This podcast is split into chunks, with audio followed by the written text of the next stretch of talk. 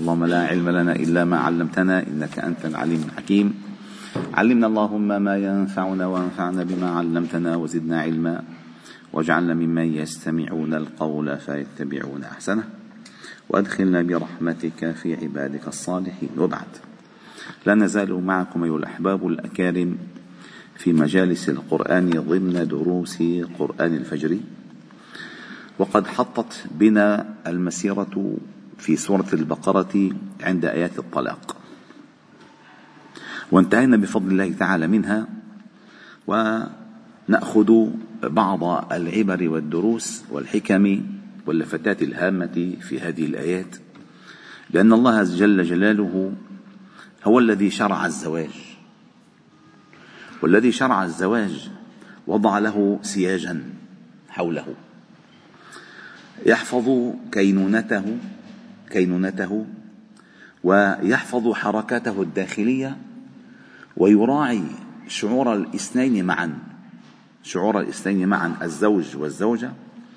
ثم بعد ذلك يعلم يعلم بالرحمة والرأفة كيف يمكن أن يفسخ أو أن تنهى هذه العلاقة وما يترتب لها من بعد وما يترتب لها من بعد.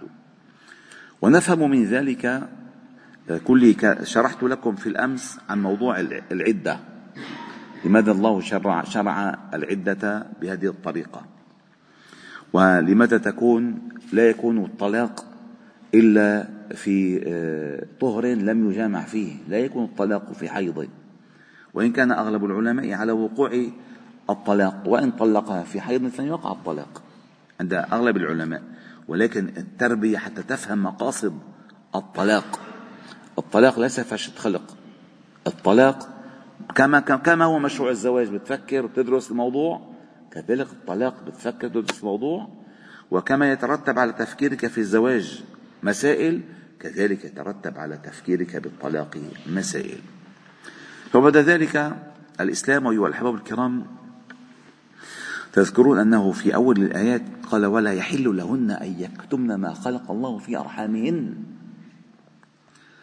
فإن الله جل جلاله عندما شرع العدة أولا لاستبراء الرحم حتى لا تختلط الأنساب. فإن حفظ النسب من أهم مقاصد الدين تسمى كليات الإسلام. إن أهم مقاصد الدين عندنا خمس أمور حفظ الدين والعقل والنسب والمال والنفس. هذه خمس أمور. كل ما تحقق كل ما يحققها فإنه مصان ممنوع أن تقرب منه أبدا. لذلك الخمر محرم لأنه يؤذي العقل. الربا والقمار محرم لأنه يؤذي المال. اختلاط الأنساب يعني أن تتزوج على زواج أخيك مثلا. يعني أن تدخل على امرأة بعدتها قد تختلط الأنساب. فلا يعرف هذا الولد. أم من هذا الأب أم من هذا الأب؟ هلا ما كان في دي ان اي بس هذا الأصل. هذا الأصل. قد تخطئ أحيانا الدي ان اي فهذه العدة فقال ولا يحل لهن أن يكتمن ما خلق الله في أرحامهن إن كن يؤمن بالله واليوم الآخر. ثم بعد ذلك يفهم من قوله تعالى وللرجال عليهن درجة. أن البيت لا لا يمكن لا يمكن البيت أن يدار برأسين. ولكن انتبهوا الأحباب الكرام في كل الشركات الناجحة كل الشركات الناجحة هناك رئيس مجلس الإدارة وهناك مدير تنفيذي. الرجل هو رئيس مجلس الإدارة. والمرأة أو الزوجة هي المدير التنفيذي في البيت. ولكن من أين تأخذ الأوامر؟ أي كيف تأخذ؟ كيف تدير؟ من مجلس الإدارة. أما إذا اختلف اختلف المدير مع مجلس الإدارة تفضل الشركة. بس كل إنسان فتح حسابه. ولكن لا يعني عندما نقول للرجال عليهن درجة ولا يعني أنها أننا نقول أن المرأة بأقل بدرجة منه لا يعني إهانتها ولكن يعني تخفيف المسؤولية عنها. فالرجال قوامون على النساء بما فضل الله بعضهم على بعض وبما أنفقوا من أموالهم.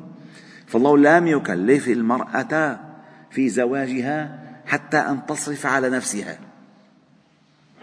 مع مال مرتاحة أو ورسانة وما حاطة بالبنك بالخزنة لم يكلفها أن تنفق على نفسها ولم يعفي الزوجة أبدا مهما كانت غنية. ألا يصرف عليها. فدليل أنه هذا هذا هذا هو القوامة للرجال عليهن درجة. لذلك عندما آه، يفضل الله جل جلاله هذه المسألة هي رحمة رحمة بالمرأة وحكمة بعلمه بالرجل. فالرجل يكد يكد ويتعب ويجتهد والمرأة إذا صامت فرضها إذا صلت فرضها. وصامت شهرها وأطاعت زوجها. هذا المكلف فيها دعيت يوم القيامة لدخول الجنة من أية أبوابها الثمانية شاءت. لم يكلفها لا بالنفقة ولا بالجهاد. ما كلفها بشيء أبدا. حتى إذا آه، تريد أن تحج لها أن تحج من مالها ولها أن تطلب من زوجها أن يأخذ إلى الحج الفريضة. حق هذا حق. فلذلك لما بيطرقوا بضغطوا إنه لك النسوان مهينين بالإسلام. ما أكرم ما أكرم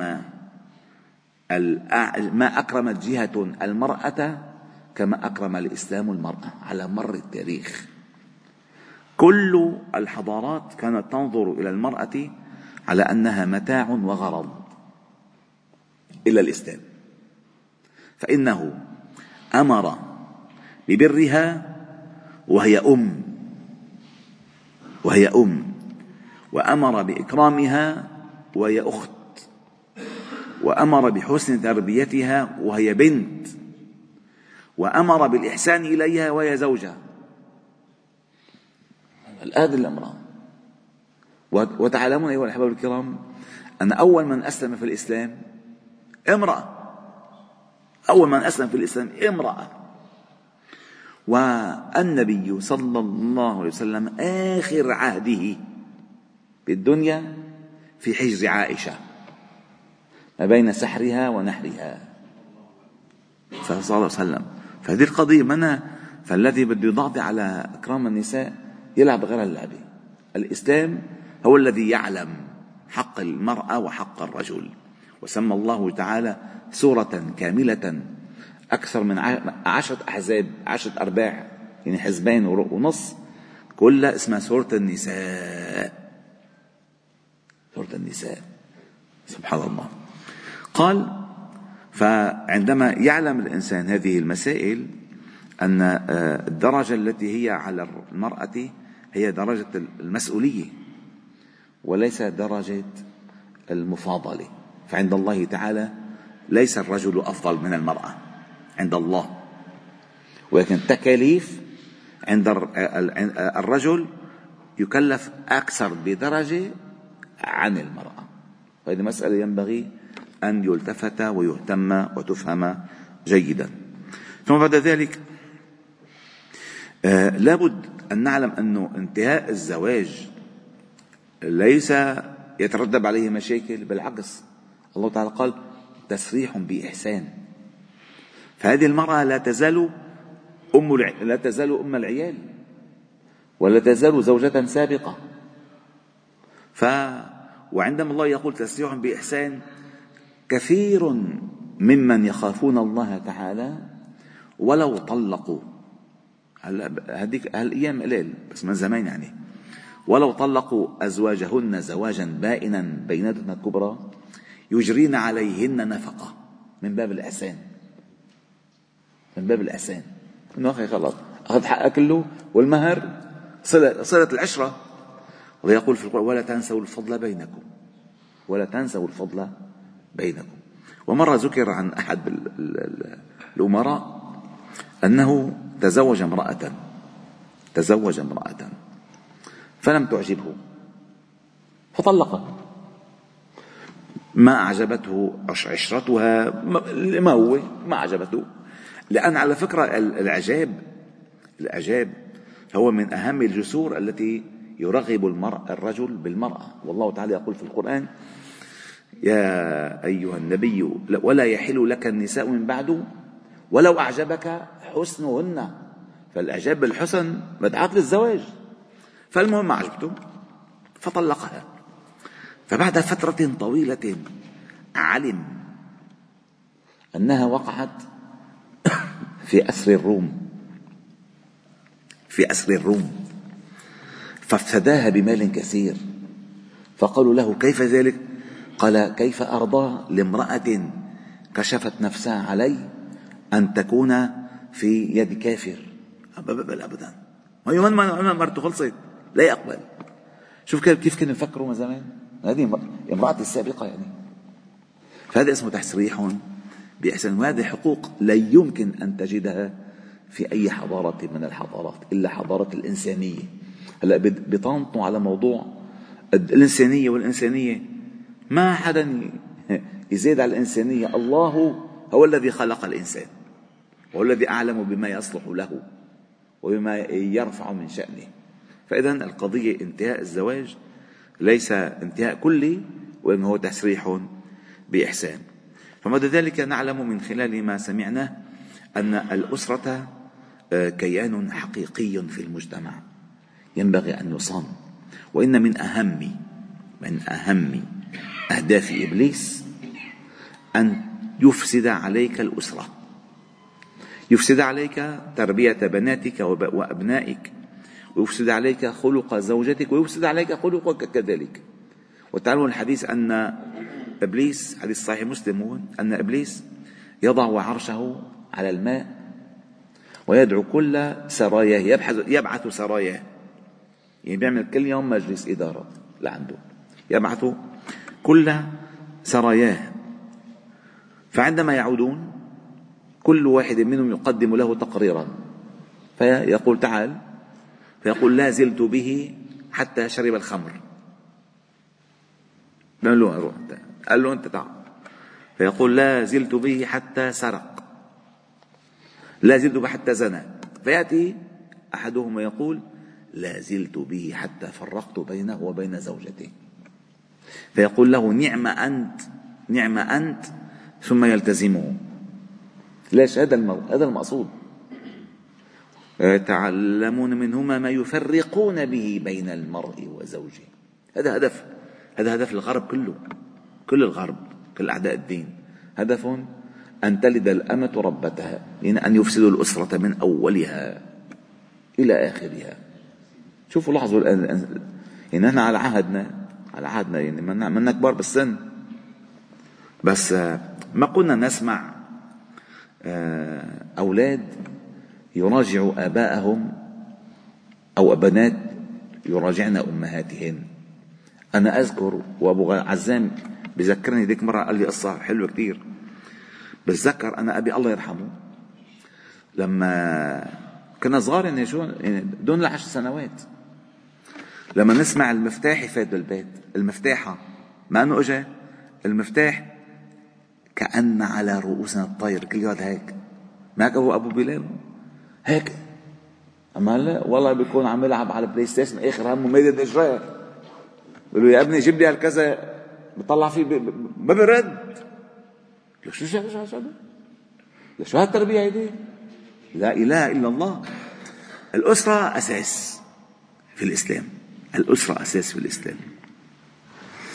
وموضوع الخلع أيها الأحباب الكرام الذي ذكرناه في آه، آية سابقة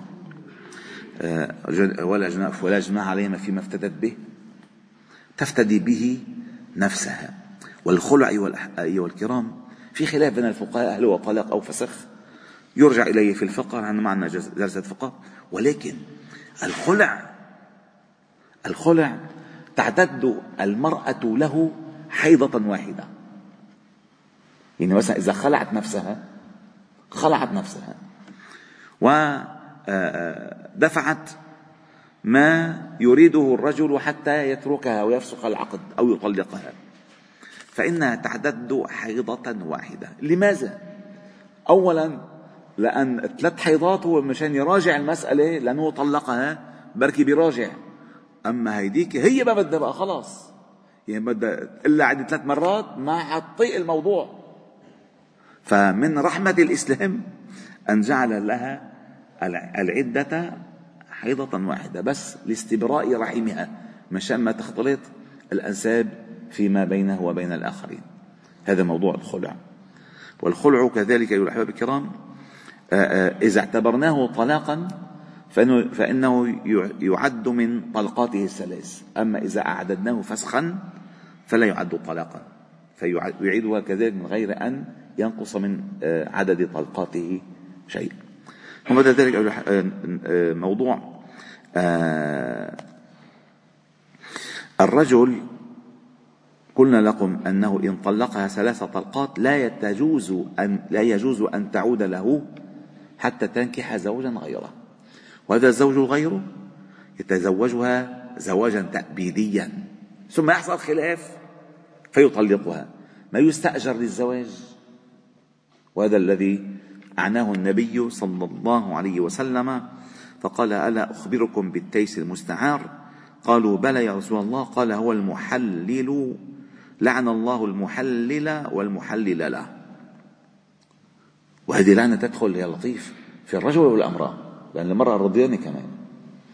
ثم بعد ذلك ينبغي أن نعلم أنه لا ينبغي للمرأة أن آه، آه، تكثر تكثر من المطالبة بالطلاق. طلقني طلقني آه، لأن الحديث هلأ صحيح قلت ما الخلع منه الخلع منه طلب. اسمعوا الحديث ماذا يقول؟ يقول فيه النبي صلى الله عليه وسلم أيما امرأة سألت أيما امرأة سألت زوجها الطلاق في غير ما بأس. يعني في غير ما بأس ما في شيء ما بدها بقى. ليش؟ راحت عملت جولة بالمقاهي لقت العيشة هيك أحلى. لا في طبخ ولا في كذا لك هلا لك ما عم يفتحوا بيوتهم العالم عم يروقوا بعض بالمطاعم. ما بيستقبلوا حدا. شو هالشغلة هيدي؟ عمل لي ولف لي وظبط لي ما بدي هالشغله كلها. بل ما بدي هالشغله فأيما امرأة سألت زوجها الطلاق من غير ما بأس فحرام عليها رائحة الجنة. لذلك لما بتطلب الطلاق أو الخلع يسألها الرجل لماذا؟ هي قالت امرأة ثابت بن قيس إني أكره الكفر بعد الإسلام. فيعني شغلة كبيرة كثير فطلقها أو رد عليها عليه حديقته وطلقها. وفي رواية كذلك قال النبي صلى الله عليه وسلم المختلعات يعني الطالبات للطلاق بغير بأس هن المنافقات. يا لطيف. يعني شغله بتفزع. فلذلك ما كلمة الواحد إنه طلقني. ما طلقني وكذلك الرجل ما كلمة حس شغله صغيره بيطلق لا.